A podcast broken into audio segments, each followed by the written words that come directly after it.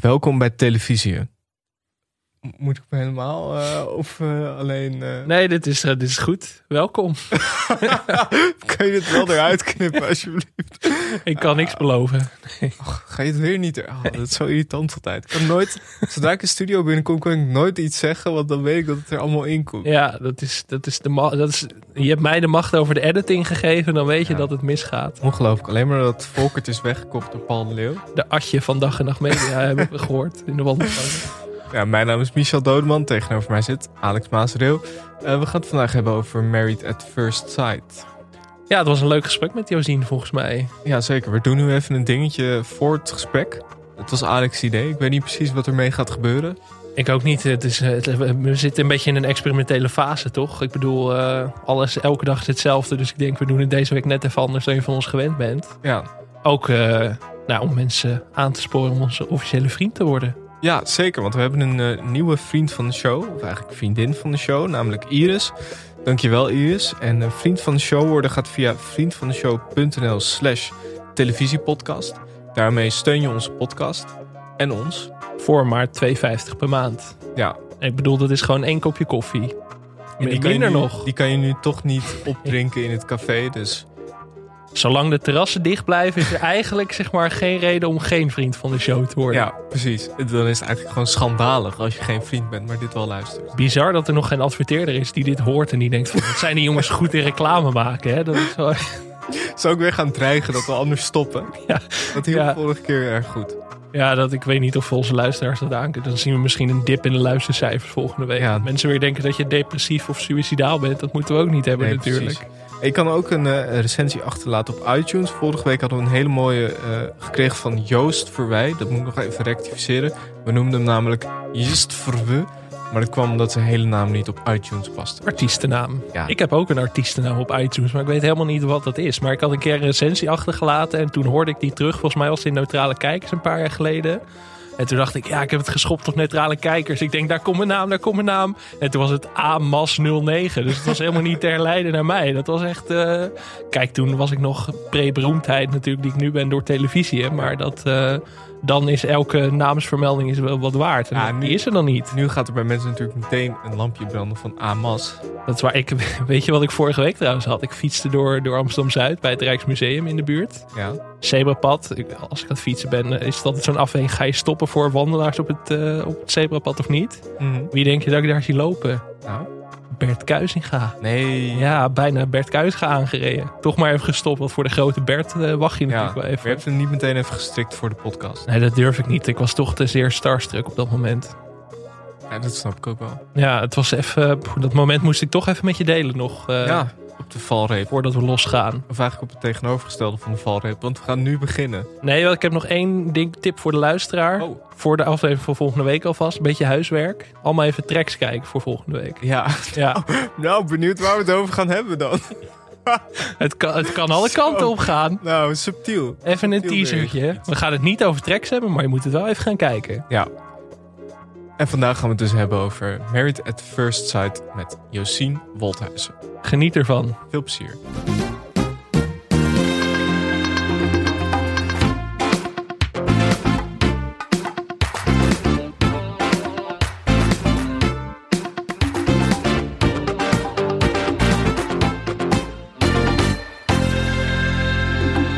welkom bij Televisie, de podcast over Nederlandse televisieprogramma's. Mijn naam is Michel Dodeman. Tegenover mij zit Alex Maasreel. En ook tegenover mij zit een journaliste. Ze schrijft en doet verslag voor het Parool. Is regelmatig te horen in de podcast Prani. En ze kijkt niet alleen fanatiek naar Ajax, maar ook naar Married at First Sight. En daar gaan we het vandaag over hebben. Welkom Josien Wolthuizen. Yes, dankjewel. Hoe is het? Goed. Ja? Ja. 1-0 gewonnen gisteren, dus uh, ja? goed genoeg. Heeft Ajax een grote invloed op je gemoedsrust? Um, ja, in deze tijden zeker. Aangezien er verder echt helemaal niets gebeurt. verder is het gewoon één, uh, één vlakke bedoeling, het leven. Dus uh, ja, Ajax zorgt uh, voor de hoogtepunten. Ja. Ook als een moeizaam met 1-0 van RKC winnen? Pff, ja, ook dan. Ja, ik kijk nu dan wel gelijk vooruit. Het liefst wel toch naar, naar de AS Roma. Ja. ja. Gisteren was wel echt een, een verschrikkelijke wedstrijd om naar te kijken, ja. Kijk je, kijk je hetzelfde naar voetbal als naar Married at First Sight? Ben je echt fanatiek? Ehm, ja. ja, ik ben wel fanatiek, ja. Ja, maar ik kijk ook wel hetzelfde in de zin van dat ik ook wel vaak toch een beetje aan het scrollen ben. Ja? ja, ja. Ben je ook wel echt van het uh, becommentariëren? Uh, je bedoelt op, op social media? Ja, of in het echt? Uh, nou, in het echt ja, zit meestal mijn vriend naast me, die dus geen Ajaxiet is, maar een Feyenoorder. Ehm, ja, ik, ik, Dat is Alex. Ik, ik denk, ja, inderdaad. Dat ik, ik, ik, ik, vind niet dat we het hierover moeten hebben, jongens. De televisie staat centraal. Nou, gisteren toch weer gewoon gewonnen hoor. Ja, het is een goed Hij weekend bijna binnen. Ja, maar jij zegt net van het is fijne afleiding nu er verder niks gebeurd is. Nou, daar ben ik wel van teruggekomen dit jaar. maar het, alles was leuker dan Feyenoord dit seizoen. Ja, maar ja. dit nee, terzijde. Ja, nee, volgens mijn vriend uh, becommentarieer ik wel heel veel. Ja, ik ontken dat zelf denk ik een beetje. Maar ja, uh, ja het is ook altijd na één slechte bal vind ik iemand echt al het hele seizoen heel slecht spelen. Zeg maar. Mhm. dat, ja. Uh, ja, het is een beetje commentaar van extreme, denk ik. Ben jij ook zo fatalistisch? Zeg maar, je hebt natuurlijk op Twitter heb je Arco natuurlijk wel een Ajax-fenomeen ook. Die, ja. natuurlijk, die verwijdert Twitter volgens mij tegenwoordig tijdens de wedstrijd. Omdat Ja. die anders te, die doet altijd net alsof er, als er gelijk gespeeld wordt dat ze degraderen zowat. Dus dat, eh, heb jij dat ook, dat hele emotionele? Nou ja, een beetje wel. Ik twitterde gisteren, er zit zand in de motor. Maar ja, we zitten, zijn nog op steeds... Oh, trouwens, Ten Hag nam die woorden over, zag ik in het interview met de NOS. Hij kijkt misschien ook wel op Twitter. Nee, maar ja, nee, ik ben wel een beetje fatalistisch. Ja, ik, ik heb dan ook eigenlijk maar ja, meteen dat ik echt zenuwen krijg voor die kampioensrace. Wat niet echt ergens op slaat, denk ik. Ik moet even afkloppen. Maar ja, nee, dat, uh, ik ben dat wel een beetje, ja. ja. Ik identificeer me ook wel enigszins als emo Ajax zoals uh, Arco. En je bent ook bijgelovig, toch? Ik ben ook wel bijgelovig, ja. Ja, die gelukspet. Uh, ja, toen ik die even kwijt was, toen verloor Ajax alles. Dus ik heb hem nu weer trouw bijna elke dag op. We gaan het vandaag hebben over Married at First Sight. Yes. Misschien is het leuk om eerst even te luisteren naar een fragmentje.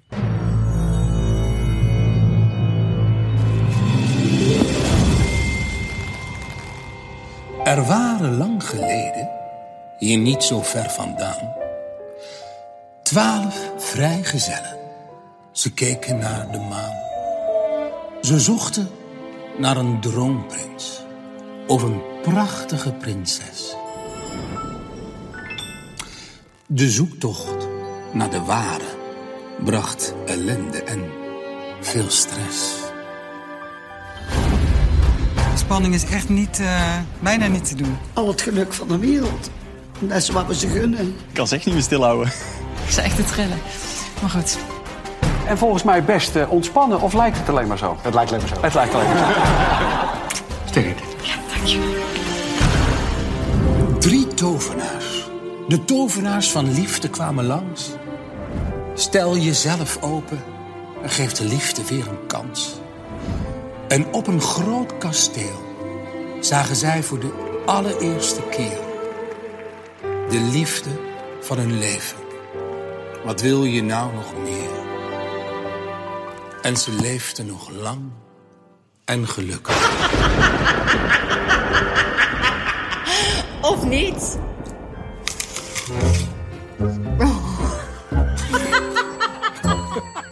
Ja, Married at First Sight is een trouwprogramma dat in meerdere landen wordt uitgezonden. Elke volwassene kan zich voor het programma aanmelden. Het programmateam koppelt een deel van de kandidaten aan elkaar. Hiervoor worden zogenaamde experts ingeschakeld, waaronder psychologen. De stellen ontmoeten elkaar voor het eerst op hun eigen bruiloft. Hier mogen ze zogenaamd kiezen of ze trouwen of niet. En uh, als het paar ervoor kiest om te trouwen, gaan ze vervolgens op huwelijksreis per echtpaar een verschillende locatie. Ja, daar gaan we het vandaag over hebben. Uh, heb je alle seizoenen gezien? Uh, nee, nee, nee, van Nederland uh, was dit eigenlijk het eerste seizoen. Uh, ik heb nu echt heel veel tijd over, natuurlijk ook door corona. Eerst keek ik eigenlijk wat minder tv en dan helemaal niet echt al reality-programma's. Maar om de tijd te doden ben ik daar nu echt helemaal verslaafd aan. Ik Temptation keek ik wel altijd. Dat vond ik altijd echt heel erg leuk. Um, en nu was ik eigenlijk vooral gegrepen door de, alle gossip op RTL Boulevard en de Media Courant. En dat ik toen wel echt dacht, ik, ja, dat, dat triggerde me wel. Ik werd nieuwsgierig. En nu zit ik ook midden in uh, Australia. Oh ja. Ja. Het programma wordt uitgezonden op uh, RTL 4. De presentatie was in, van 2016 tot 2019 in handen van Peter van der Vorst. Hij werd opgevolgd door Carlo Boshart. En vanaf het se vijfde seizoen worden er twee afleveringen per week uitgezonden op de maandag en de dinsdag. Alex, heb jij het wel eens eerder gekeken? Nou, ik kan me nog wel herinneren dat het, zeg maar, dat het, hier, dat het begon in 2016. En dat er best wel wat heisa over was van... Uh, ja, is het wetenschappelijk verantwoord? En wat is hier... Uh, ja, van kun je dit maken, zeg maar. Wat natuurlijk altijd bij dit soort tv een beetje boven de markt hangt. Dus ik kan me wel herinneren dat ik volgens mij ooit de eerste aflevering heb gezien. Maar ja, dat was, toen was mijn interesse ook wel weer snel weg of zo. Want ja, wat jij ook net zegt, van door corona heb je nu veel meer tijd. En daarvoor had ik dat wat minder. Dus ja, ik ben dit jaar pas echt ook meegegaan in die stroom. Ook omdat ik steeds meer op Twitter natuurlijk eh, toch een beetje de graadmeter van alles in het leven tegenwoordig. Dat je, dat je heel veel gossip op Twitter voorbij is komen. Dat je denkt van ja, ik ga toch maar eens kijken. En dan snap je toch al wat de aantrekkingskracht van dat ironische kijken misschien is. ik, vind het, ik, vond de afleveringen, ik vind de afleveringen heel lang, maar je blijft wel echt geboeid kijken. Uh, ik ben het met het eerste eens en het laatste minder, denk ik. Ja? Ik, ik vond het echt een slepend proces eigenlijk, het Nederlandse uh, ja. laatste seizoen. Uh, want je blijft wel echt kijken. Je wil uiteindelijk toch gewoon weten hoe het afloopt. En ja, je bent maar aan het wachten eigenlijk op die, die huwelijksreizen. Mm -hmm. Maar ik vond het proces voorafgaand, zeg maar, dus tot aan die bruiloft en dan eigenlijk die bruiloft zelf ook nog. Ja, dan kijk je toch gewoon echt naar best wel gemiddelde Nederlanders die allemaal heel grappig willen zijn, maar het ook allemaal niet echt zijn. Ja. Uh, en alles wordt heel erg uitgesmeerd. Dat, dat, eigenlijk, ik ben niet eens een hele kritische tv-kijker. Ik ga gewoon liggen als ik zoiets kijk en dan laat ik me gewoon entertainen. En nu had ik eigenlijk echt voor het eerst gedacht, jezus, wat gaat dit traag. en in aflevering 9 zijn we gewoon nog steeds naar bruiloft aan het kijken. Ja. Terwijl het uiteindelijk, ja. voor mij gaat het om de juice, daar kom ik voor. Ja, en dat is natuurlijk met die uh, huwelijksreizen pas. Mm -hmm. En dat is wel een beetje te gek aan dit programma. Dat bijvoorbeeld bij uh, Boer zoekt vrouw, dan heb je echt de eerste aflevering, is de brievenaflevering. En op een gegeven moment komt de reis naar het buitenland. En, maar hier loopt het helemaal door elkaar. En je hebt inderdaad, het ene stel is al getrouwd en op reis. Het andere stel heeft elkaar nog niet gezien en is nog pakken aan het uh, passen en jurken aan het passen. Ja. Ik vond het best verwarrend als kijker, omdat je de hele tijd denkt: wacht, waar zitten we nou? Hebben ze elkaar? Waar, waar, in, waar in het proces zitten ze precies? Ja, want inderdaad, in, in aflevering 9, uh, die we volgens mij ook gaan bespreken, ja. zijn Lars en Lissy al op, uh, op huwelijksreis. Maar gaan Mick en Daisy moeten nog trouwen. Dus Mhm. dat is inderdaad best wel verwarrend. Maar ja, het is, ja, ze hebben een keuze gemaakt. Ik weet ook niet waarom om uh, meer tijd te besteden eigenlijk aan dat hele proces voorafgaand aan de bruiloft en de bruiloft zelf dan aan die huwelijksreizen. Dus dan kun je ook niet anders, want anders ben je zes hele afleveringen daarna aan het kijken en dan pas komen die huwelijksreizen. Dus ze moeten wel op een gegeven moment een beetje daarin gaan, uh, gaan schuiven. Maar ik, ja, het is inderdaad wel apart, ja.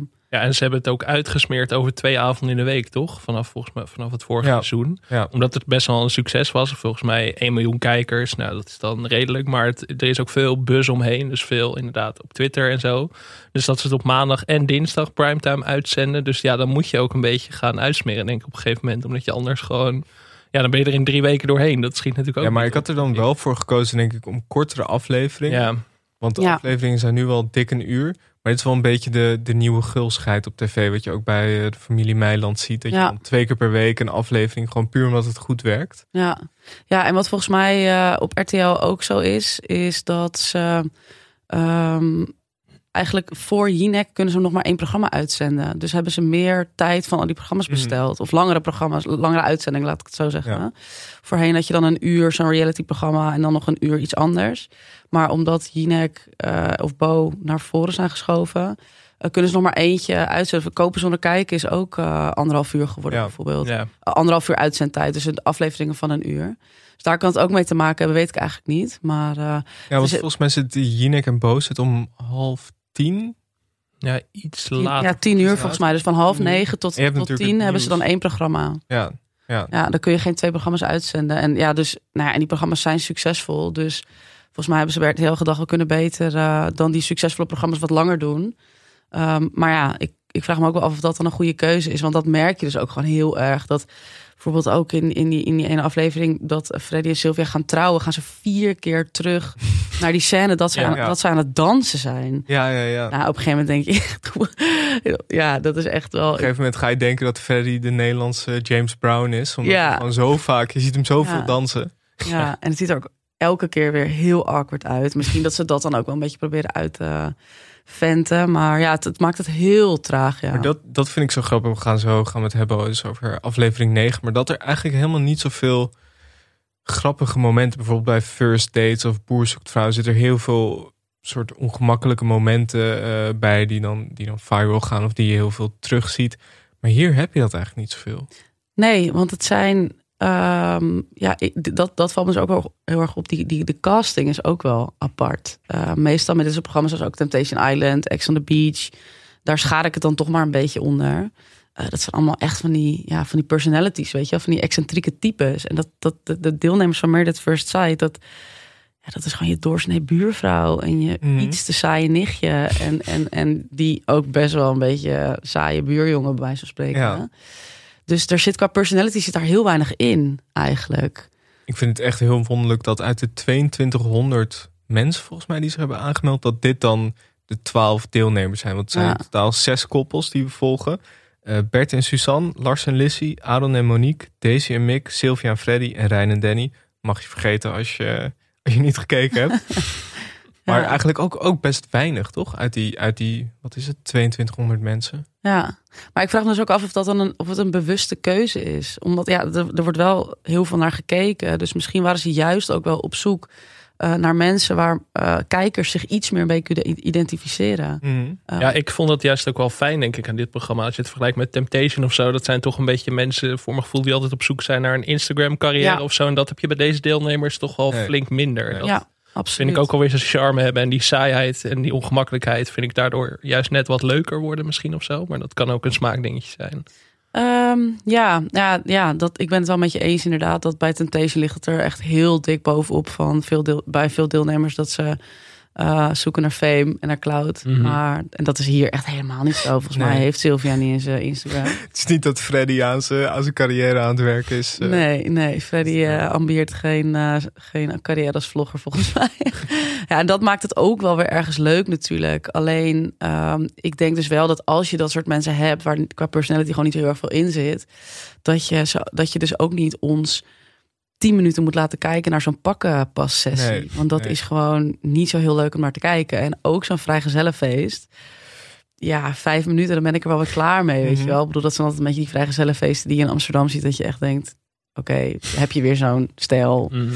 Ehm, ja, maar ja, ze, ze, ze moeten die tijd vullen. Dus, eh, Ja, het zou gewoon voor dit programma denk ik beter zijn. We hebben het natuurlijk vaak over Ik geloof in mij. Dat zijn dan zeven, acht afleveringen van 40 minuten. Dat zou echt veel beter zijn. Ook voor Ideaal. dit programma, denk ik. Ja. ja, ja.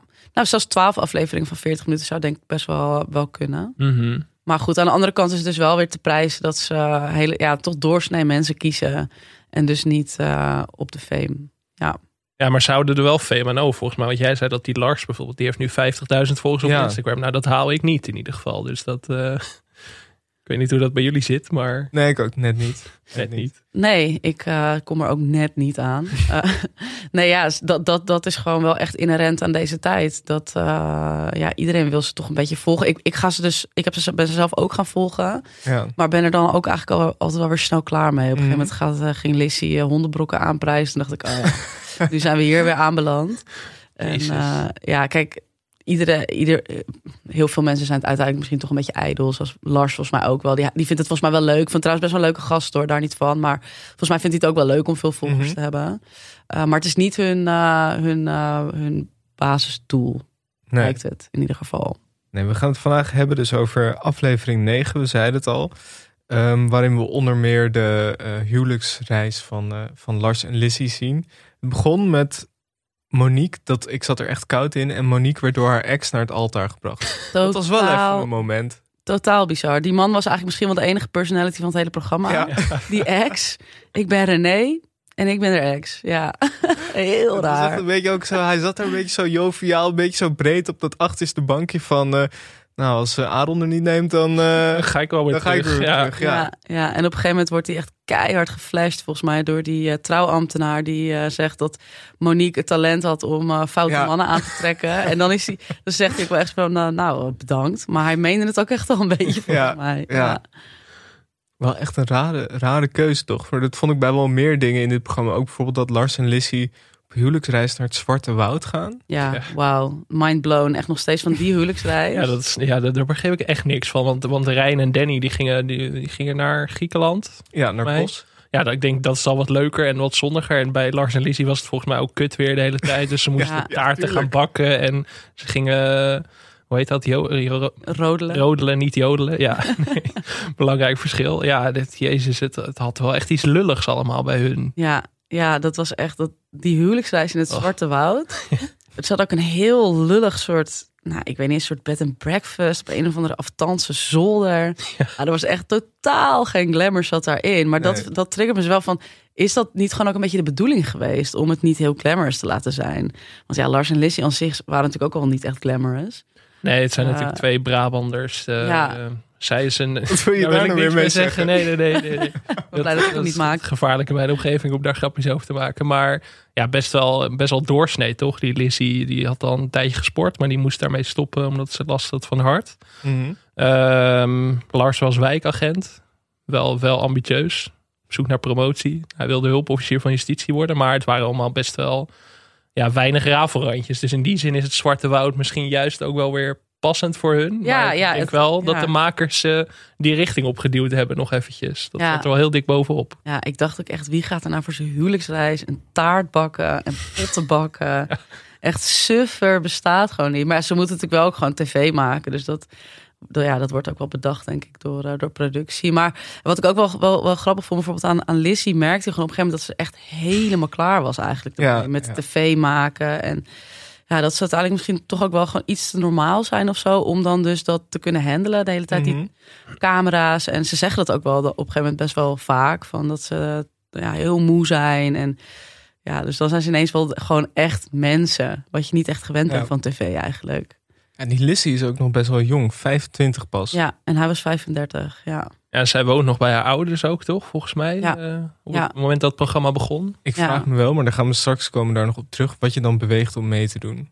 Als je best, als je zo jong nog bent. ja mij eigenlijk ook. Ja, ze had niet echt, geloof ik, een sociaal leven. Ehm, en wist ook niet zo heel goed aansluiting te krijgen daarin, volgens mij. Omdat ze dus heel lang topsporter eh, was geweest. Ja, dat vond ik eigenlijk ook wel weer zielig. Want zij zei volgens mij op een gegeven moment tegen Lars van... Ja, jij hebt die hele vriendengroep en zo. Mhm. Maar dat ik echt dacht van... Oké, maar heb jij dat dan niet of zo? Maar dat... Ja, zij heeft zo strikt geleefd voor dat, voor dat wielrennen en dat mountainbiken en zo. Dat, dat vond ik ook wel weer sneu in zekere zin of zo. Ik denk misschien dat ze zich daar, daarom dan heeft aangemeld voor dit programma of zo. Ja, ja, ik weet niet. Misschien die broer, dat, die was ook wel eh, vaak prominent eh, in beeld. Die, eh, ik denk, ja, misschien heeft hij er opgegeven. Ik heb echt geen idee. Ik heb het ook wel heel erg afgevraagd. Ook bij zo'n Freddy bijvoorbeeld. Ja, Het voelt toch wel bij best wel veel deelnemers een beetje als zo'n grap. Zo van, oh, ik ga je daarvoor opgeven. Zoals heel veel mensen ook Mhm. voor first dates worden opgegeven. En ineens zitten ze erin of zo. Ja, het was met die ouders van Lizzie bijvoorbeeld waren ook helemaal aan het juichen toen, eh, toen, eh, toen, eh, toen, toen het nieuws naar buiten kwam van dat er een match was en zo. En dat de oma of opa helemaal het beste nieuws ooit was en zo. Dat vond ik ook wel apart. Ik denk als je als ouder dit het beste scenario voor je kind vindt, vind ik ook wel. Ja, dat moet natuurlijk ook voor de tv, maar Ja, ja, je kreeg bijna het idee dat die ouders haar hadden opgegeven voor Ja. het programma of zo. Dat die waren er blijer mee dan zij zelf. Zo. Dat was wel een soort gekke dynamiek. We zagen ook de huwelijksreis van Rijn en Danny. Dat vond ik wel echt goede tv. ja dat was zeker goede tv. Ja. Want, want Rijn had dus wel meer personality Mhm. eigenlijk. Dat was echt zo'n typetje die... Ja, die had niet echt oog eigenlijk voor zijn eh, echtgenoot. Nee, nee, Hij was nee. heel erg met zichzelf bezig, met zijn foto's, met zijn Insta. En ja, dat was wel, eh, dat was wel sprankelende televisie, ja. Ja, ik vond het wel leuk, want Danny zat er echt hard aan. Die was er echt hard mee bezig. En die dacht van, we gaan een gezellige reis inderdaad samen hebben. En Rijn die dacht, ik ga kijken naar, naar de zee en ik ga foto's daarvan maken. En volgens mij zei Danny zei ook op een gegeven moment met dat Limburgse accent van, nou, hij is alweer weg. Ja, ja, was ja. hij weer weg, was hij weer ergens Ja. foto's maken. Ah, dat contrast vond ik wel heel leuk tussen Rijn en Danny en dan Lizzie en Lars of zo. Want bij Lizzie en Lars was het heel saai, maar bij, bij Danny en Rijn was het wel echt kleurrijk. En Ja. daar gebeurde ook daadwerkelijk iets zonder dat er al te veel gebeurde. Maar gewoon die spanning werd daar wel lekker opgevoerd een beetje. Ja. Ja. En je zag ook in een andere aflevering, daar hebben, we, daar hebben we het al over gehad, dat er een heel ongemakkelijk etentje ook was. En dat Danny iets zei en Rijn had het niet gehoord en Danny bleef daar maar over doorgaan. En dat was echt zo'n moment dat je bijna het idee hebt dat je naar Lang Leven de Liefde zit te kijken. Oh in ja, plaats van ja, ja. at First Sight. Dat vond ik wel leuk, maar ik had dat nog wel iets meer terug willen zien. Ja, Dat soort momentjes. ja, het zat er niet super veel in, inderdaad. Maar jullie hebben ook de eerste aflevering gezien. Hadden jullie verwacht dat... Ik, ik dacht nou, na de eerste aflevering, die Lars en Lizzie, dat is sowieso een blijvertje. Dat, maar dat denk ja, ik altijd. Bij iedereen denk ik dat. Behalve dus bij Monique en eh, Aaron. Toen dacht ik echt, nee, die passen totaal niet Nee. bij elkaar. En zij waren dus wel weer ineens een hele goede match. Eigenlijk als enige. En bij, eh, nee, ik dacht, nee, die Monique, die, die ziet echt niks in hem. Aaron was een beetje zo'n, ja, gewoon zo'n vrijgezelle man. En met, een- met een, die hield van golven. En had altijd een beetje van die weirde kledingcombi's. Met alles in het blauw of alles in het groen. En zij was echt zo'n statige vrouw. Ze was eh, makelaar, geloof ik. Hele knappe vrouw. Heel verzorgd. En, nou, en dat was dus een hele goede match. Al vanaf moment één. Dat, en dat verbaasde mij enorm. Want ik dacht dus ook dat Lars en Lizzie een hele goede match zouden zijn. Ja, want je zag in de eerste aflevering dat die psychologen, eh, die waren ook helemaal van oh, 80%, dat is echt ongekend, dit en dat. En toen zei van die psycholoog ook, ja, ze hebben zoveel overeenkomsten en ze zijn ook allebei Brabanders. Dus misschien dat ze elkaar daarin vinden en zo. Allemaal dat soort dingen werden er ook bij gehaald. Ik denk, ja, is dat zo? Want dat gaat natuurlijk een beetje aan dit concept van het programma. Daar gaat het ook over van, kan het überhaupt? Want er is volgens mij geen stel die het uiteindelijk, dat het uiteindelijk echt heeft overleefd. Eentje. Ja, volgens Mm. mij echt aan het begin. Maar volgens mij de laatste twee of drie seizoenen zijn ze allemaal uiteindelijk gescheiden. Ja, maar dat is ook wel iets wat ik me afvraag. Van eh, uiteindelijk vaak in een partner zoek je toch iemand die juist andere eigenschappen heeft. Die, Mhm. waar- ja, je vult elkaar aan en eh, de meeste stellen lijken niet precies op elkaar. Integendeel, want dat botst.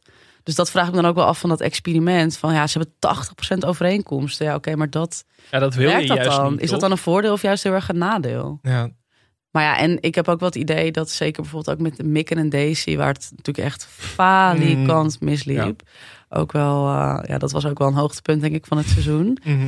Dat het daar ook heel erg gezocht was. In de zin van dat ze allebei uit Noord kwamen. En dat Mick was een vriendin van Monique Smit, wat ook helemaal werd uitgevent. en ja, ik weet niet. En iedereen gelooft dan heel erg in die wetenschap, zeggen ze de hele tijd. Maar hier had ik ook, ook omdat Mick bijvoorbeeld pas drie weken voordat ze begonnen met draaien, uiteindelijk werd gecast. Dat ik echt Mhm. dacht van, volgens mij dachten ze van, oh, daar zit nog wel wat in, allebei uit Noord. En dat werd ook helemaal uit, ja, de hele tijd uitgelicht. En ehm, ja, dat zij helemaal niet bij elkaar zijn gezocht op, eh, op persoonlijkheid, maar gewoon ja, toch wel een beetje op goede televisie. Wat dat ook moet zijn. Ja, je zag bij, bij Mick en Daisy zag je eigenlijk het moment dat ze net getrouwd waren. Je zag eigenlijk toen al, eigenlijk bij het snijden van de taart al, dat het gewoon een soort van ongemakkelijk was. En dat het botste en dat zij veel meer de leiding nam.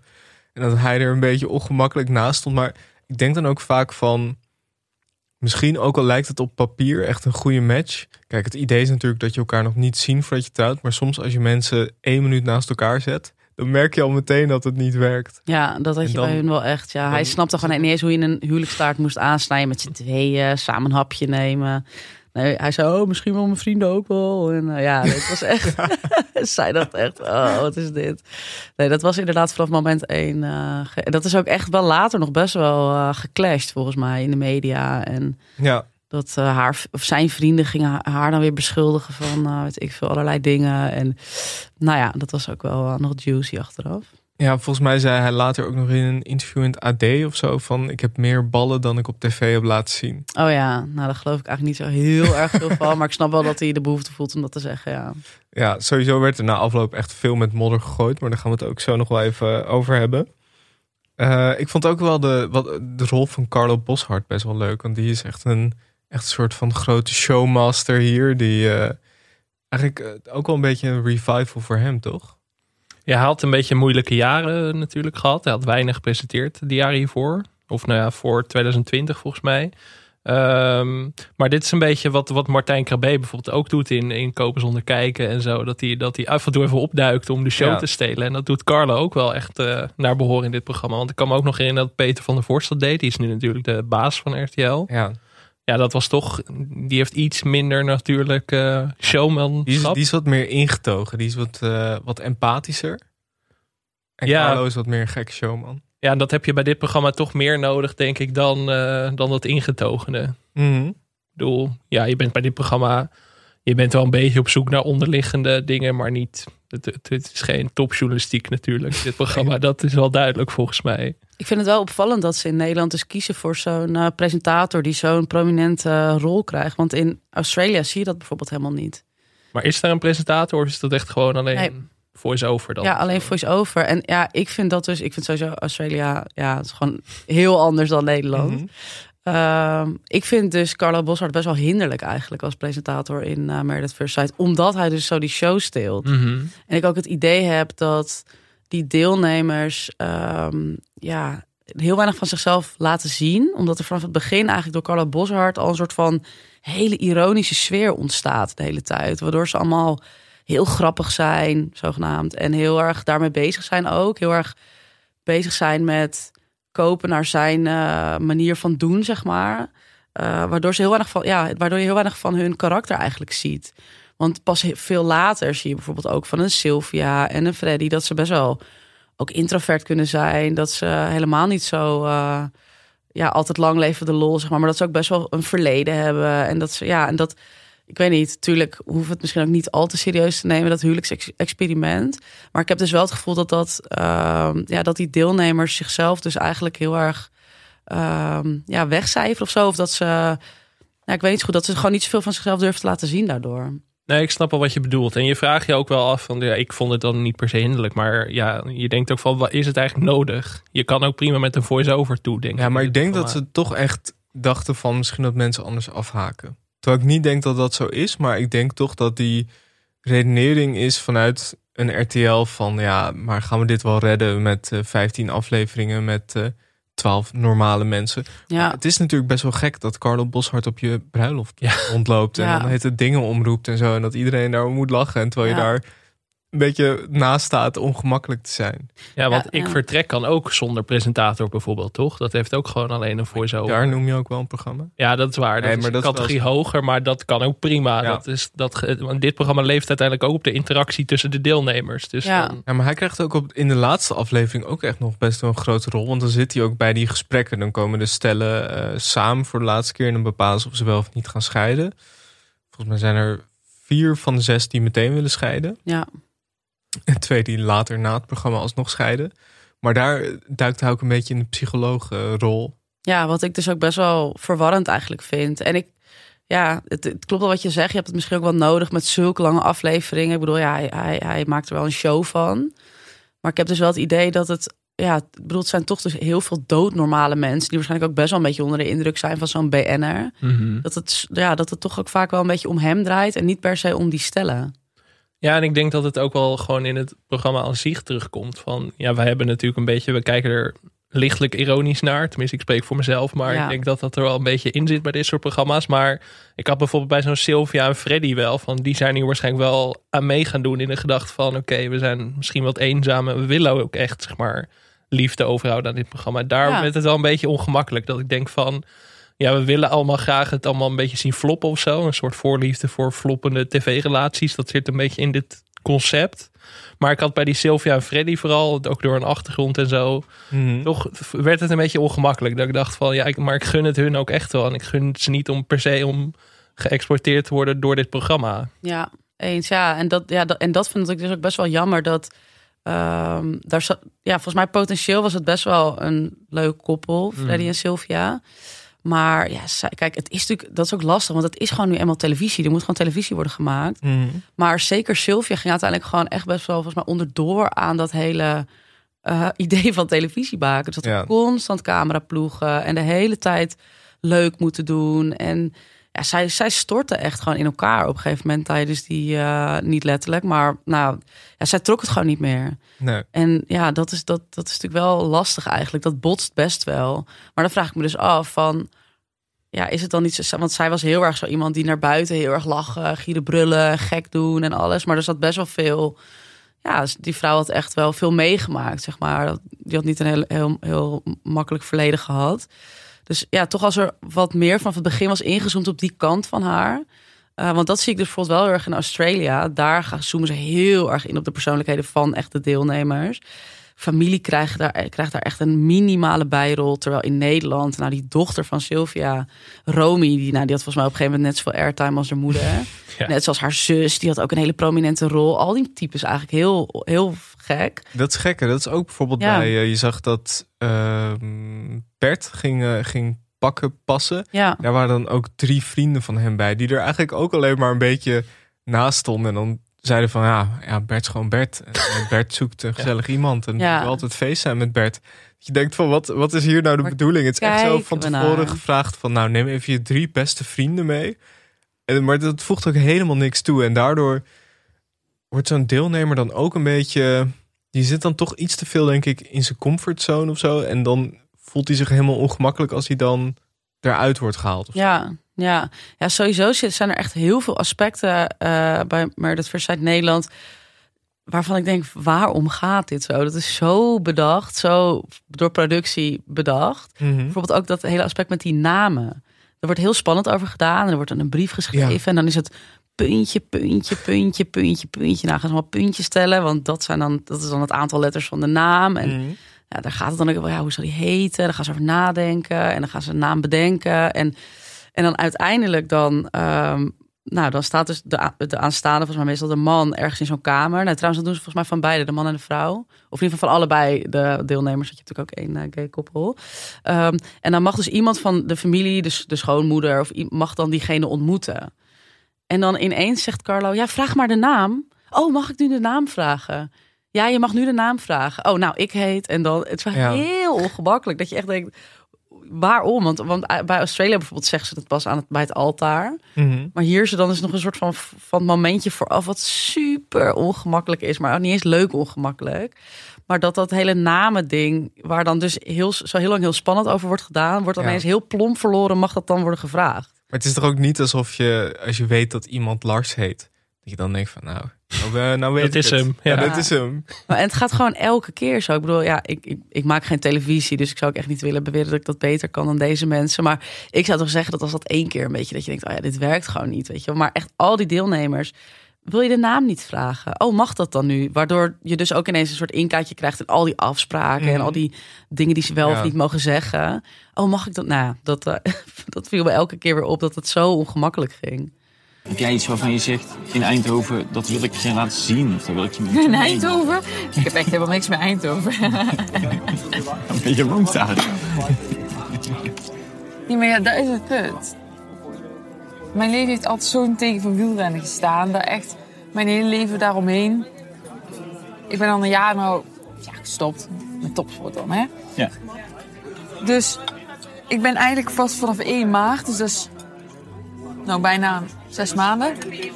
Ben ik begonnen met werken en dat terug oppakken. Ja, ja. Ben ik eigenlijk begonnen met echt, klinkt heel raar, maar met mijn sociale leven eigenlijk Ja. op te pakken of zo. Ja. Daar heb ik ook nooit tijd voor gehad. Dus als mensen zeggen, ja, wat doe je in je vrije tijd? Ja, wat ik toen straks tegen jou zei, dat is werken, beetje leren, fietsen, Netflixen. Ja. Oh ja, en een beetje met familie. Ja. Dus, kijk, en jij hebt weer een heel ander leven. Want je hebt natuurlijk wel echt zo'n, als ik daar van de week op die bruiloft zie, dan echt zo'n vriendengroep.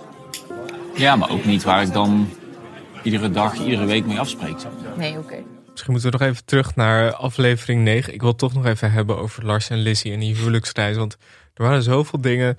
Sowieso, op papier was het dus een hele goede match. Maar toen, je, toen ze in de auto zaten, toen zeiden ze al steeds van... nou, het voelt wel vertrouwd. En ja, het voelt heel vertrouwd. Terwijl het was zo ongemakkelijk. Ja, ja. Ja, dat was het ook echt. Maar ze, nee, ze, sterker nog, ze zeiden volgens mij echt aan het altaar. Zeiden ze, oh, dat voelt echt zo goed. Ja, we hebben echt zo'n connectie. En ja, nee, dat was inderdaad, de hele tijd was het, het, het voelde heel vertrouwd. Maar ja, zij was gewoon, ja, het was gewoon geen, geen goede match. Zij was veel te jong voor hem. Mm. Echt gewoon, niet eens alleen qua leeftijd, maar ook gewoon qua levenservaring. Dat, ja, en dat zag je ook aan alles. Zij- Ja, zij wilde hem uiteindelijk, eh, hij heeft volgens mij van de week een interview gegeven in Shownieuws. Ja, Dat eh, hij zoiets zei van ja, één keer in de twee weken elkaar zien, dat wilde ik wel toen ik 16 was. Dat was volgens mij ook wel een beetje een soort sneer. Mhm. Maar dat ze eigenlijk gewoon nog heel kinderachtig was. Wat ik dus ook wel.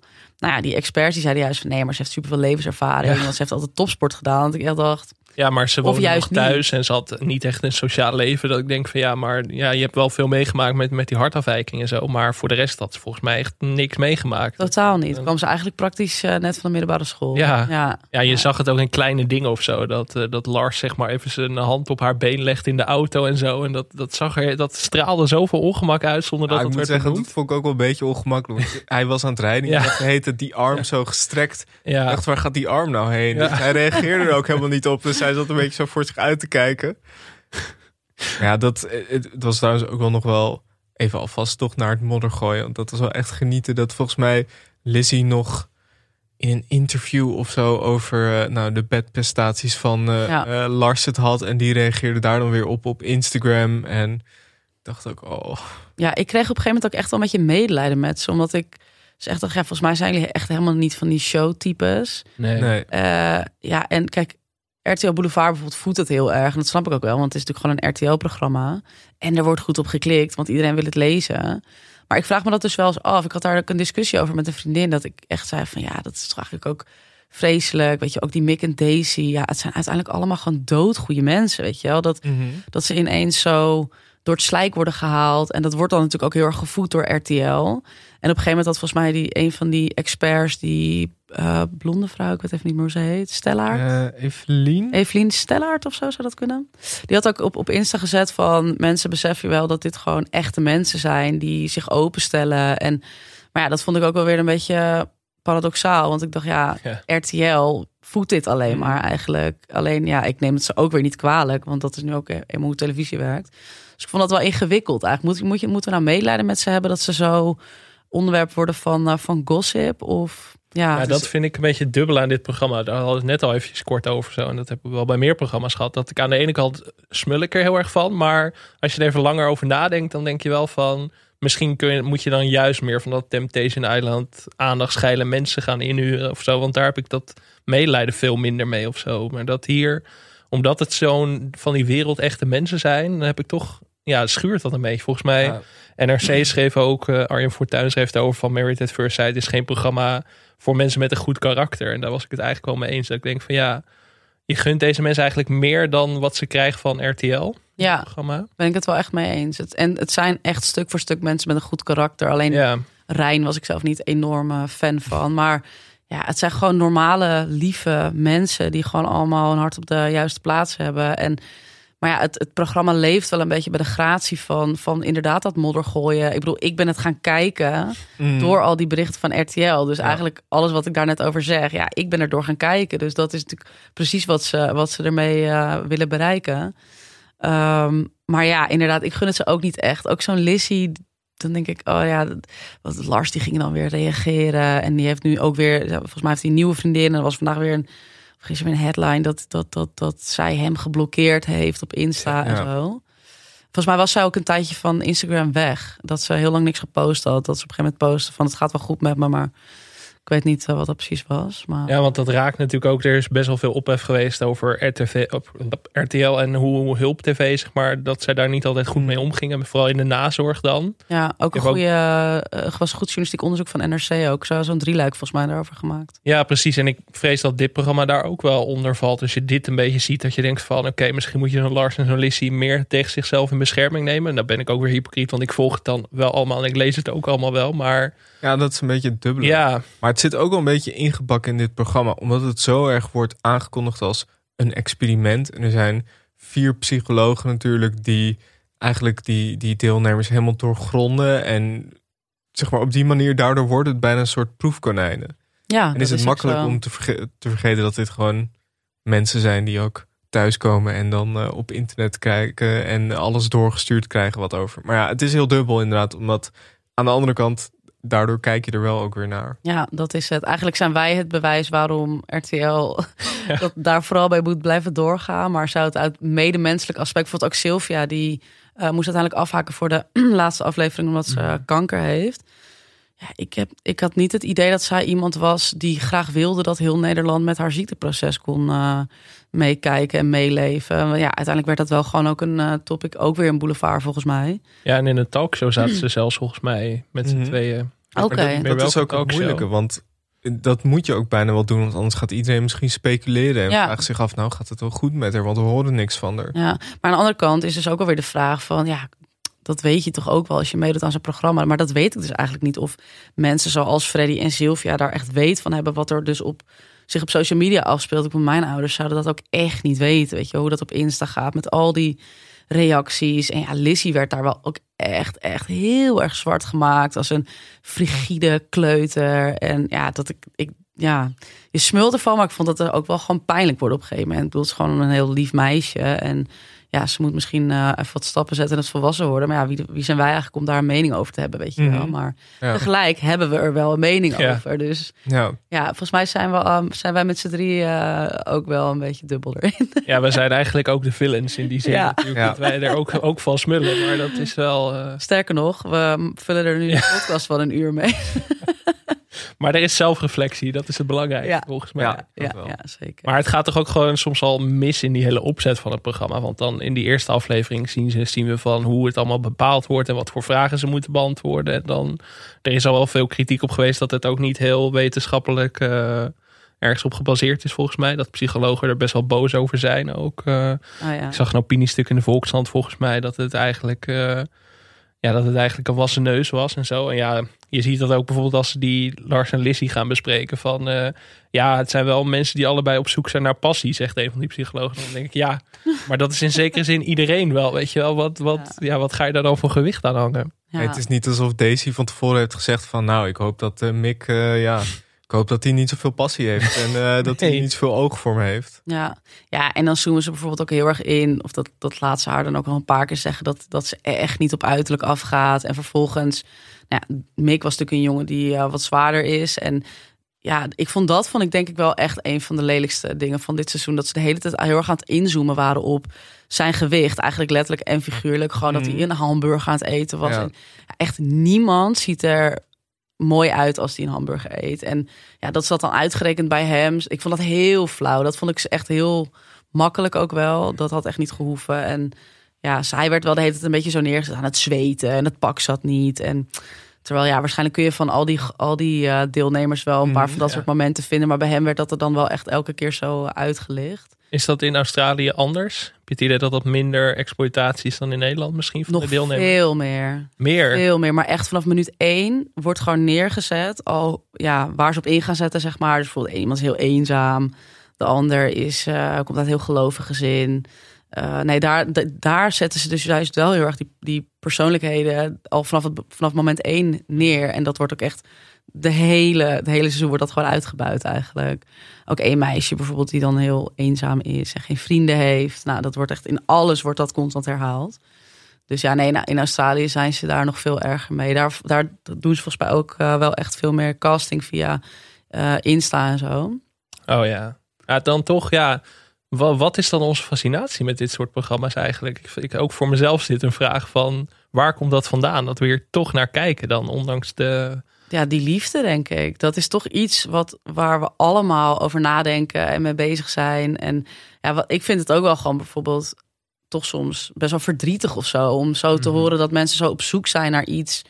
Ja, ik heb bijvoorbeeld wel een vriend. Nou ja, dan denk ik, ja, ik zit inderdaad met hem elke dag op de bank dat soort dingen te kijken. En dan hoor ik die mensen zeggen, ja, ik zou zo graag met iemand op de bank gewoon lekker samen te programma's willen kijken. Of gewoon na, na weet je, als je hebt gewerkt eh, aan tafel. Dat zegt ze ook heel vaak in, in eh, eh, first dates, weet je wel. Gewoon iemand ja. om je dag mee te delen. Dat, ja, dat heeft ook wel iets heel verdrietigs of zo, vind ik eigenlijk. In sommige gevallen, ook met zo'n Sylvia en Freddy, denk ik, ja, jullie zijn echt hele lieve, leuke Ja. mensen. Ik gun het jullie ook echt. Dus misschien is dat het ook wel of zo, dat toch dat het altijd over die liefde gaat. Ja, het is ook gewoon interessant om te zien of het lukt. Dat is natuurlijk altijd bij Ja. first dates. Je bent altijd benieuwd na afloop of het lukt. Hier ook een beetje. Vooral ook wel door de, door de matches. Ook bijvoorbeeld bij zo'n Rijn en Danny dacht ik... Dit is helemaal geen, helemaal geen match. Nee, Dat, eh, alleen al omdat Rijn net een huis had gekocht in Haarlem en eh, Danny gewoon chocoladewinkels had in echt of zo, ergens echt Mhm. in Limburg. Dat ik alleen al daarom dacht, dat is helemaal geen match. Maar ook qua persoonlijkheden, nee, echt totaal niet. Maar er wordt dan toch de hele tijd gezegd van... ja, dit is het wetenschappelijke experiment. En de wetenschap Ja, zit hierachter. En daardoor ga je ergens toch denken... oké, zal het dan toch? Zit er dan toch ergens iets waardoor het klopt? En meestal uiteindelijk niet. nee, ja, en eh, meestal eigenlijk met die bruiloften, dan word je ook bevestigd daarin dat je denkt, het is inderdaad echt een superleuke match. En eh, nou, bij Mick eh, gingen allemaal duimpjes omhoog van zijn vrienden, weet je wel. Dat vond ik zo. Ja, ik zag allemaal duimpjes, dus ja, het zal wel goed zitten. Maar eh, ja, nee, ik bedoel, dan gaan die mensen moeten één dag met elkaar op pad. En dan vraagt Daisy aan Mick van, uh, moeten we links of rechts? En Mick zegt, weet ik veel. En Daisy denkt, jezus, maak gewoon een keus. Maar dat Ja. zijn hele basale Dat dingen. was, wel een, dat was wel een dieptepunt toen Mick een blackout kreeg. ja. eh, toen hij de, de weg niet... eh, Ja, dat of dat eh Daisy vervolgens een half haar enkel brak. ja. Oh ja, en toen moest hij nog ja, met de dokter terug naar, naar haar hotelkamer. Terwijl ze elkaar eigenlijk niet echt meer wilden zien Ja, voorlopig. ja, was echt ja, heel ongemakkelijk. Wat mij trouwens wel ook echt opvalt, als we het over de casting hebben, is dat ik het idee heb dat de diversiteitskaravaan echt volledig aan Meredith Versailles is voorbijgetrokken. Hm. Ja. ja, daar heb je wel een. Ja. Het Volgens mij in, in het eerste seizoen kon er ook nog geen homo-stellen meedoen. Oké, oké. Ja, klopt, ja. Dat weet ik eigenlijk niet. Maar Als vanaf seizoen Wat, 2 wat natuurlijk ook gedaan. best wel... Het is niet alsof dit is begonnen in 1960. Het, het was gewoon een paar jaar geleden. Het is toch best gek. ja, heel. In, ja, in Australië is ook, is, maar daar is het gewoon wettelijk pas eh, recent geregeld. Maar ja, dat valt me wel echt heel erg op. Dat eh, ik hoor juist ook van andere programmamakers en mensen van castingbureaus dat ze echt nou, geen programma meer kunnen maken waar geen diversiteit in zit. Ehm, ja, dat zal vooral bij de NPO misschien heel erg spelen, maar dat viel me toch wel heel erg op. Dat dat zo. eh, Ja, echt Ja, spierwit. En ook ja, in de omgeving ja, allemaal. Ik durf het dus bijna niet eens te zeggen, maar het is echt spierwit. Volgens mij alleen één vriendin van Monique was van eh, niet uh, origineel Nederlands, of we zeggen dat gewoon, die, ja, die, volgens mij was hij van Surinaamse afkomst of zo. Ehm, toen, en dat viel me dus ook gelijk ineens heel erg op. Dat ik dacht, oh, wow, er is nou één iemand dus. Die, eh, Het is toch ook best gek dat je daar niet een beetje rekening mee houdt... als er zoveel mensen zich aanmelden. Ja, ik vind het ook ja, heel, heel apart. En toen, ik, had, ik zei dat ook tegen iemand die zei van ja, maar ja, in andere culturen wordt ook gewoon heel anders omgegaan met huwelijk. En toen dacht ik echt, maar laten we niet doen alsof de enige andere smaak in Nederland het conservatief, eh, weet ik veel, islamitisch geloof is of zo. Ik bedoel, Mhm. er zijn superveel hier geboren en getogen mensen van Indonesië afkomst, van Molukse afkomst, van Surinaamse afkomst, Antilliaanse, die wel meedoen aan bijvoorbeeld pro- programma's als Temptation Island. Dus het Ja. lijkt me niet dat het, aan het, dat het aan de aanmeldingen ligt. Dat dit iets is wat bij de Nederlandse cultuur hoort, whatever that may be. Maar nee, dat Trouwens, zonder dat je iemand kent. ja, geen idee. Nou ja, ik, eh, ik vind dat wel, eh, wel opvallend, ja. Ja, dat is wel apart inderdaad. Dat je zou toch denken dat je daar anno 2020, 2021 meer rekening mee houdt, mag houden. Ja, En als, zich, als meer dan 2000 mensen zich aanmelden, kun je ook waarschijnlijk niet aankomen met het argument dat het alleen maar Nederlanders uit, eh, uit Alkmaar of Utrecht waren of zo. Mhm. Dat, dat geloof ik ook niet. nee. Ja, of zijn ze dan dus bang dat, eh, weet ik veel, dat, dat mensen niet gematcht willen worden met iemand van een andere afkomst? Ik heb echt geen idee. Maar ik vind het wel best wel raar, ja, in 2021. Dat eh, Ja. kan eigenlijk niet meer. Nee. Nee, en eigenlijk dus ook maar één mannelijk eh homostel. Ik denk dat dat bijvoorbeeld voor de emancipatie echt heel goed zou zijn als er bijvoorbeeld ook twee vrouwen zouden trouwen. Mhm. Want ja, dat is dit- in dat seizoen hiervoor volgens mij was er, waren er twee vrouwen die Oké. meededen. Oké, nou dan ehm, heb ik daar En het is natuurlijk ook wel een beetje dat dan het enige eh, stel van twee mannen... dat die ook nog een totale mismatch zijn. Ja, ook dat nog. dat is ook niet, dat, ook niet dat je denkt van... nou, als ze dan tenminste twee mannen hebben... dat die dan meteen klikken. Maar dat was eh, hier totaal niet het geval. Nee, nee. Dat ook dat, ja... Er zaten heel veel ongemakkelijke momenten bij Rijn en Danny... zonder dat je precies de, de vinger erop kon leggen... waarom het nou zo ongemakkelijk was. Maar Ja, je merkte toch ja. een beetje van... Ja, volgens mij, net eh, haalden jullie al Brabant even aan. Ja, match, mismatchte hier ook gewoon de randstedelijke hardheid en directheid die Rijn echt had. Want die was echt, die kon echt zo bitchy zijn. Ook echt, volgens mij had hij Rijn eh, net een half uur daarvoor ontmoet en eh, barstte hij al met zijn beste vriendin lachen uit om zijn kapsel. En het zag er toch niet uit. En terwijl Rijn echt super zachtaardig was. Ja, misschien dat ik nu een beetje eh, ook eh, spreek in de clichés hoor. Ik bedoel, in Limburg zullen vast ook wel directe mensen wonen. In Noord-Holland weer wat minder. Maar ja, Rijn was gewoon een heel zachtaardig persoon. En, en Rijn, ja, Rijn was niet zo heel aardig, vond ik. Nee, nee. Je kijkt me aan alsof je hoopt dat ik meer de Juice ga spelen. Ik zat te wachten op meer voorbeelden. Oh ja, nee. Rijn was niet mijn favoriet, nee. Nee, nee. Ik vond de enige waar we het bijna nog niet over hebben gehad is eh, Monique en Aaron. Ja, Maar die gingen eigenlijk, die zijn ook als een van de twee zijn die nog getrouwd eh, gebleven. Is uiteindelijk toch nog weer fout gegaan. Ja, ik zeg weer, want eh, ja, ze zijn toch vrienden gebleven. Ja. Maar ik dacht toen wel een beetje dat ik dat zag van... Maar dit, ja... Je denkt dan bijna van, wat is het nou waard geweest? Al die 15 afleveringen. Goede televisie en ik geloof hoeveel miljoen kijkers? 1,3 of zo. Ja, Ja, dat is het gewoon toch? Het is televisie en televisie draait om kijkcijfers. En ja, ik vind het ook wonderlijk eigenlijk dus dat er nog, dat, dat nog zoveel mensen zich ervoor opgeven. Ja, want wat hebben de mensen er nou eigenlijk Precies, aan? dat de deelnemers. vragen. Want het is niet alsof je... Nou ja, Lars heeft dan misschien zijn 50.000 Instagram-volgers. En ja, zoals Lizzie, je kan honderd brokken aanbevelen. Maar ja, Dan heb je het gemaakt het natuurlijk. gaat, in het het leven. gaat niet Ja. om miljoenen bedragen. Eh, het is dus best wel een beetje een inbreuk op je privacy. Zonder dat je daar heel veel voor terugkrijgt. Want het is ook niet zo dat je... Nou ja, het is niet zo dat je nog een keer kan meedoen. Of zo. Nou, trouwens, dat kan wel. Maar het is nog een second chance eh, seizoen hebben ze een keer gemaakt. Maar goed, je, ja, wat win je daar nou eigenlijk mee? Nou ja, misschien onderschatten wij hier eh, toch eigenlijk ook wel gewoon nog steeds de droom van mensen om op televisie te komen.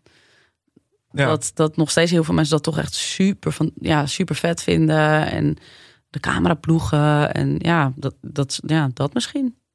Dat wij, ja, dat wij ons dat misschien niet zo goed kunnen voorstellen. Maar dat heel veel mensen gewoon het echt heel leuk vinden om op tv te komen. En iets heel eh, bijzonders. Dus, maar ja, en wat ik eerder al zei, misschien zit er dus ook wel gewoon een beetje dat eh, first dates aspect aan. Van oh, ik ga je opgeven, want ik gun je echt de liefde.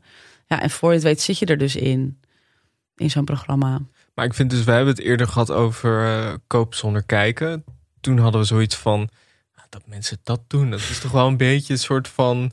Dat is toch een beetje, ja, een, een huis kopen zonder dat je het ziet... is een beetje bijna het heftigste wat je kan doen. Maar dit vind ik echt het heftigste. Dus Ik, zou zo meedoen aan kopen zonder kijken. Ja, sneller dan hieraan, denk ik. Ja, Ja. dat, dat Echt vind ik ook nog echt Per direct. wel- Alleen al om Bob, denk ik. Maar ook wel voor Nee, ik zou eh, kopen zonder kijken zou ik echt daar dat zou, ik zou het een minpunt vinden dat je zo je hele je hele privéleven op straat gooit. Maar ja, je krijgt er uiteindelijk een ziek huis voor terug. Ja, je Of weet wel dat het goed optie. komt. Het is Ja. volgens mij nooit niet goed gekomen. Nee. Maar hier is het juist eigenlijk andersom. En ik Ja. vind dit misschien nog wel, nog wel heftiger. Is het ook. Ja, ik vind het ook. eh, het is ook gewoon echt. Het is echt wel heel privé ook. En ja, ik vind het bijvoorbeeld ook echt gewoon. Ja, ik hou er gewoon niet van. Zo, kijk, ik hou zo van platte televisie. Maar dat op een gegeven moment ook bij Freddy en Sylvia zo erg werd ingezoomd op die condooms. En eh, nou, en hoe gaan jullie die eh, huwelijksnachten beleven? Toen dacht ik echt, ja, dit kan je nou doen in. bij- misschien bij jonge stellen of bij Meredith, Meredith Versailles Australia, waar toch alles heel plat is. Maar toch zeker niet bij Sylvia en Freddy. Hou op met me. Laat die mensen met rust, joh. Van de 59 en de 69 jaar. Ja, en echt, ik gun iedereen alle seks van de wereld. Ook mensen van die leeftijd. Maar ik, ja, ik vind dat gewoon niet. Nee, ik, ik vind dat niet netjes om dat soort mensen. Om men, ja, zulke mensen dat te vragen. Nee. Mhm.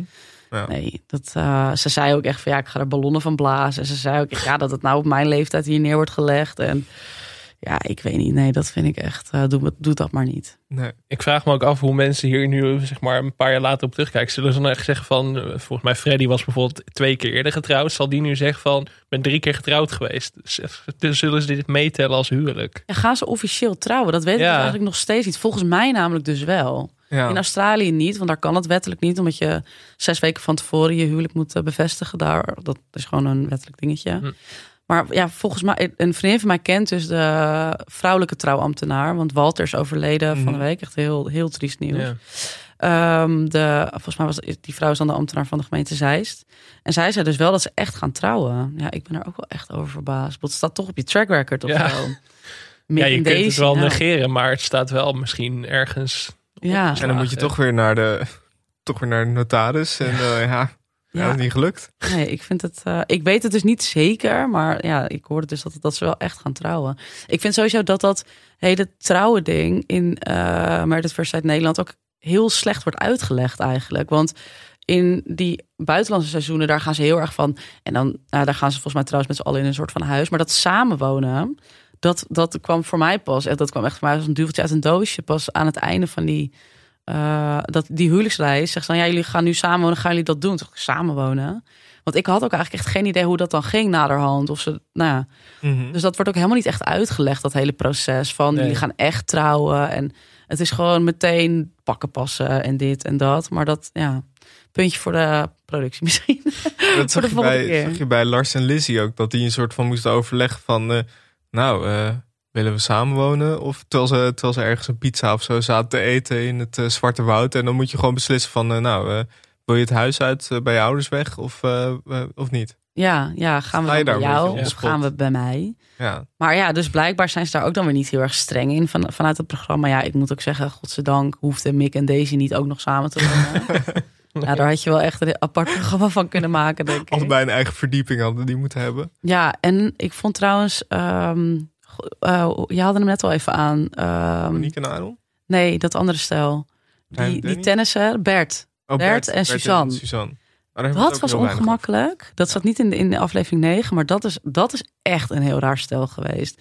Zij kon hem gewoon niet meer verdragen op een gegeven moment. Nee, Hij, nou, ja, hij was sowieso echt wel een beetje een rare gast die van die seksistische grapjes maakt. En zij was gewoon een hele lieve, ja, ook een beetje introverte vrouw. En zij was vooral heel erg op zoek naar een soort vader voor haar zoontje. Wat, ja, dat vond ik ook best wel toch een pijnlijk aspect eigenlijk. ja, was best een wel, best wel een jonge zoon. ja, van acht. En die wil heel graag een man in huis. En ja, ik weet niet, dat vind ik gewoon echt wel verdrietig of zo. Dat, Mhm. dat, dat, dat, ja, dat, dat arme kind. Nou, ik bedoel, zij kan er ook natuurlijk niks aan doen. Maar dat, ja, zij deed echt wel een beetje mee. Ook in de hoop dat ze een, eh, een man zou vinden voor hem.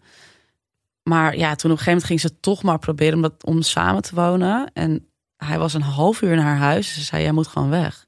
Ik kan jou niet verdragen Mhm. hier in mijn omgeving. Ja. Indringer, zei ze. En ja, wat daar aan de hand was, echt geen idee. Maar dat was ook echt... eh, ja, misschien wel dus, misschien wel dus uiteindelijk nog slechtere match dan eh, Mick en Daisy. Wat me, wat me bij hem heel erg opviel, en ook wel bij veel anderen, vooral bij mannelijke eh, kandidaten, dat die heel erg veel aan het lachen waren.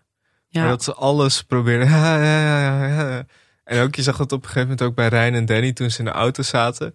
Toen moest Rijn moest echt heel hard lachen, omdat er iets fout ging met de navigatie. En Danny was heel hard aan het meelachen. Maar je zag hem een soort van tussen het lachen door steeds kijken van... Ja, oké, maar hoe moeten we nou rijden? Ja, kunnen we, kunnen we serieus doen? ja hij, hij fakte een soort van schaterlach. ja. ja. Met heel veel beweging en heel veel beweging in zijn gezicht ook vooral. Die- Maar hij vond het onder de streep gewoon echt fucking irritant. Ja. Wat ik ook echt heel goed begreep. Want Rijn die had het maar op lopen gezet. Nou echt, ik zou er ook helemaal niet tegen kunnen. Echt niet.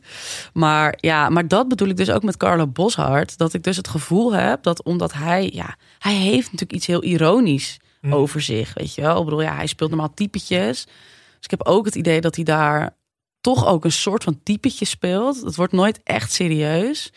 Ehm, en dat er dan dus vanaf het begin al zo'n soort van sfeer ontstaat van lachen. En het moet allemaal leuk zijn. En allemaal gewoon een beetje zo gek. Maar ja, uiteindelijk draait het toch om dat ze zich openstellen. En ja, en daar, daar, daar stokt het dan toch wel echt. Ja. Misschien dat toch John Williams het moet gaan presenteren dan. Eh, Die heeft natuurlijk wel... Ja, oh, daar ben ik heel erg voorstander van. Ja. Ja, maar kijk, we hebben nu coronatijd. Dus John kan dan niet meer... John is natuurlijk wel echt Een hugger. Ja, vastpakken. John, John is een hugger. Maar het Ja. zou wel leuk zijn als hij gewoon met dat koffiebekertje en met zijn leren jas gewoon binnenkomt lopen op zo'n bruiloft. Dat zie ik wel voor me. Ja, nee, het zou, het, ja, want ik, ik hou wel echt van Carla Boshart trouwens, gewoon alleen al omdat ik super veel goede jeugdherinneringen aan hem heb en ik vind dat, dat hij de tv-kantine echt fantastisch doet. Maar zo'n, ja, is het een serieus programma? Dat weet ik, maar ja, het heeft toch ook echt een serieuze kant en ik weet niet, daar, daar vind ik hem dan toch niet zo geschikt voor, denk ik eigenlijk, door dus dat ironische, ja, wat hij over zich heeft. Misschien is dat wel een beetje het probleem tussen aanhalingstekens van dit programma. Dat het niet gewoon helemaal duidelijk is of het nou wel of niet. Nee, en Carlo Boshart is daar eigenlijk wel de verpersoonlijking van. Dan Ja. eigenlijk een beetje die, die worsteling tussen serieus en ironie. Ja, Ja, want hij probeert het ook heus wel soms om echt wel serieuze vragen te stellen. Alleen, ja, dat voel ik gewoon nooit bij hem. Omdat ik altijd, ja, er zit altijd een soort van ironische ondertoon in of zo. Of het is een soort half typetje wat hij speelt. Of, maar ja, en het is denk ik ook wel gewoon een beetje wat mensen van hem verwachten. Weet je wel, iedereen, iedereen kent hem als een entertainer Ja. en een soort comedian eigenlijk. Ehm, ja, ik heb dus die seizoenen met Peter van der Vorst nooit gezien. Maar toen een van jullie zei dat hij wat meer ingetogen was, dacht ik, ja, misschien vind ik dat dan toch wel wat meer passend of zo. Maar ik zou zelfs eigenlijk gewoon dus echt pleiten voor geen, geen eh, presentator. Ja. Ja. om het toch echt om die deelnemers te laten draaien. Nou, nu de belangrijkste vraag. Ga jij volgend seizoen weer kijken? Ehm, ik denk het wel. Ja, ik denk dat ik uiteindelijk toch de juice niet kan weerstaan. Ehm, maar ik hoop gewoon wel echt dat het een iets minder slepend seizoen wordt. Dus dat het Mhm. gewoon iets korter. En ja, gewoon veel meer inzetten op die, uiteindelijk die, dat samen zijn van, van, van die twee. Ik, het boeit me niet hoe die mensen zijn. En ik, die speeches hoef ik allemaal niet te horen. En die, dat pakken of jurken passen echt in Australië wordt dat gewoon. Dat, dat jurken en pakken passen wordt in 10 seconden afgedaan. Terwijl ze gewoon ergens iets aan het vertellen zijn. En je dus de stemmen van de deelnemers als voice-over hoort. Ehm, zie je ze dan even een jurk aantrekken. Want het moet dan wel voor de chronologie. Maar ja, dat rammen ze er echt doorheen eigenlijk. En dat voelt ook veel logischer. Ze gaan heel snel naar die bruiloft. Die bruiloft is, eh, daar pikken ze één soort van onderwerpje. Bijvoorbeeld ook bij één gast, dus bij Australië, die zijn moeder gaat dan zingen. Maar ja, dat is dan eventjes. Maar eigenlijk in aflevering drie zijn daar al drie stellen op uh, huwelijksreis. Mhm. Geweldig. En het gaat gelijk los. Je zit Ja. er echt meteen in daar. Ja. Het gaat maar door en dan word je echt zo, ja, veel meer gevoed. Dus, ehm, maar ja, ik denk dat ik uiteindelijk toch wel weer gewoon ga kijken eh, volgend jaar. Ja, ja. Ja, wat hier bijvoorbeeld ook zeg maar heel erg wordt uitgesmeerd. Volgens mij, ik weet niet meer in welke aflevering precies zat, maar na, dit, na dat huwelijk. En dan, ik weet even niet meer of het voor, volgens mij was het voor Daisy en Mick dat er een liedje voor hun werd gezongen ook. Dat, Dat was bij alle deelnemers. Ja, En nou, dat is, ja, dat heb ik dan Dat alleen bij deze, deze even gezien in deze aflevering. Maar verschrikkelijk. oh, Door dat, dat duurde ook veel te lang. Dat duurde echt weer net anderhalf Ja. minuut, twee minuten te lang. Ik kreeg Ja. echt een beetje dat idee van eh, Louis Vergaal bij Hoge Bomen. Ja, ja precies. Oh, Toch? ja. Het is toch Ja. heel ongemakkelijk als je Ja. zo dicht bij iemand staat die een liedje voor jou zingt. Ja, en dan sta je er met z'n tweeën. En, en, en ze, ze zenden daar inderdaad ook echt nou, wel twee minuten van Ja, uit of zo. Zo bizar. Ja, en ik weet niet of jullie uit, toevallig uit de buurt van Alkmaar komen, komen maar die man die deed me echt vooral denken aan Bertje Dopertje. Dus ze is zo'n zo'n ja, zo'n artistiekere singer-songwriter met zo'n gitaartje. Ja, Bertje Dopertje is echt een legende uit, uit Alkmaar. Maar eh, ja, nee, dat, dat, dat, dat mogen ze ook wel weglaten. Maar dat zijn toch allemaal dingen die zijn bedacht volgens mij ook echt om die tijd te vullen. Ja. Ja, Ga jij kijken volgend seizoen, Alex? Ja, weet ik nog niet. Misschien deze aflevering even terugluisteren en dan denken van... eh Dan de balans dan de opmaken. balans opmaken. Ik weet het niet, jij? Nou, ik ga wel de eerste aflevering even kijken, omdat ik dan benieuwd ben wie ze kiezen. Maar heb jij dan niet dat als je er eentje hebt gekeken, dat je ook gewoon echt te Ja. nieuwsgierig bent? Want ik had op een gegeven moment dus echt dat ik dacht. Ah, ik wil dit eigenlijk gewoon niet meer zien, maar ik wil er zo graag naar kijken, want ik moet weten hoe het afloopt. Ik kan Mhm. niet één aflevering kijken. Nee, dat heb Nee. ik ook heel erg. Als ik eraan begin, dan is het reddeloos verloren eigenlijk al. Ja. Dus ik moet het of helemaal niet kijken, of dan, ja, dan val ik maar Eh, weer. Het beste wat je denk ik kan doen is een beetje zoals wij het nu hebben gedaan, dat je een paar kijkt. Ja, Nee, maar echt heb je dat? Want ik wil wel gewoon echt dan alles ervan weten. Ja, maar, ja, maar het begin, ik vind toch, je wilt toch vooral, ja, nou, dat is misschien wel het slimme waarom ze die, als ze die huwelijksreizen allemaal op hetzelfde moment hadden gedaan, dan zou ik sowieso vanaf dan kijken. Totaal maar waar. waarschijnlijk hebben ze dat daarom dus. je moet gewoon alles helemaal kijken, inderdaad. Want anders, want in die aflevering 9, daar zit echt alles in. Nog een bruiloft en Ja. nog, nou, nog net geen vrijgezellenfeest meer. Want dat heb je echt in iets eerdere afleveringen inderdaad heb je en al een, een, een huwelijksreis en nog een vrijgezellenfeest en nog een pakkenpassessie. En ja, je kan niet eh, zeggen ik begin bij zes of zeven, want dan eh, komt de juice. Nee. Dus ja, ja, we moeten wel weer, denk ik, eh, voor Ja. het seizoen. Ik ben, ik ben ook benieuwd of onze luisteraars fan zijn van het programma eigenlijk. Ja, hij is nog niet aangevraagd, dus eh Dat zegt wel dat iets. Ja. zegt wel genoeg, ja. Hey, heel erg bedankt dat je er was, eh Josien. Ik hoop Ja. dat je het leuk vond. Ja, zeker. Gelukkig. Nou, vond je deze podcast ook leuk? Laat dan een recensie achter op iTunes. En een vriend van de show worden gaat via vriendvandeshow.nl slash televisiepodcast. Ook is het mogelijk om ons een bericht te sturen op Twitter of Instagram. televisiepod of mail ons op televisiepodcast.gmail.com. Veel dank aan Dag en Nacht Media, aan Studio Cloak voor tune en aan Weidse Valkma voor de illustratie. En natuurlijk veel dank aan onze gast Josien Wolthuizen. Yes. Tot volgende week. Tot volgende week.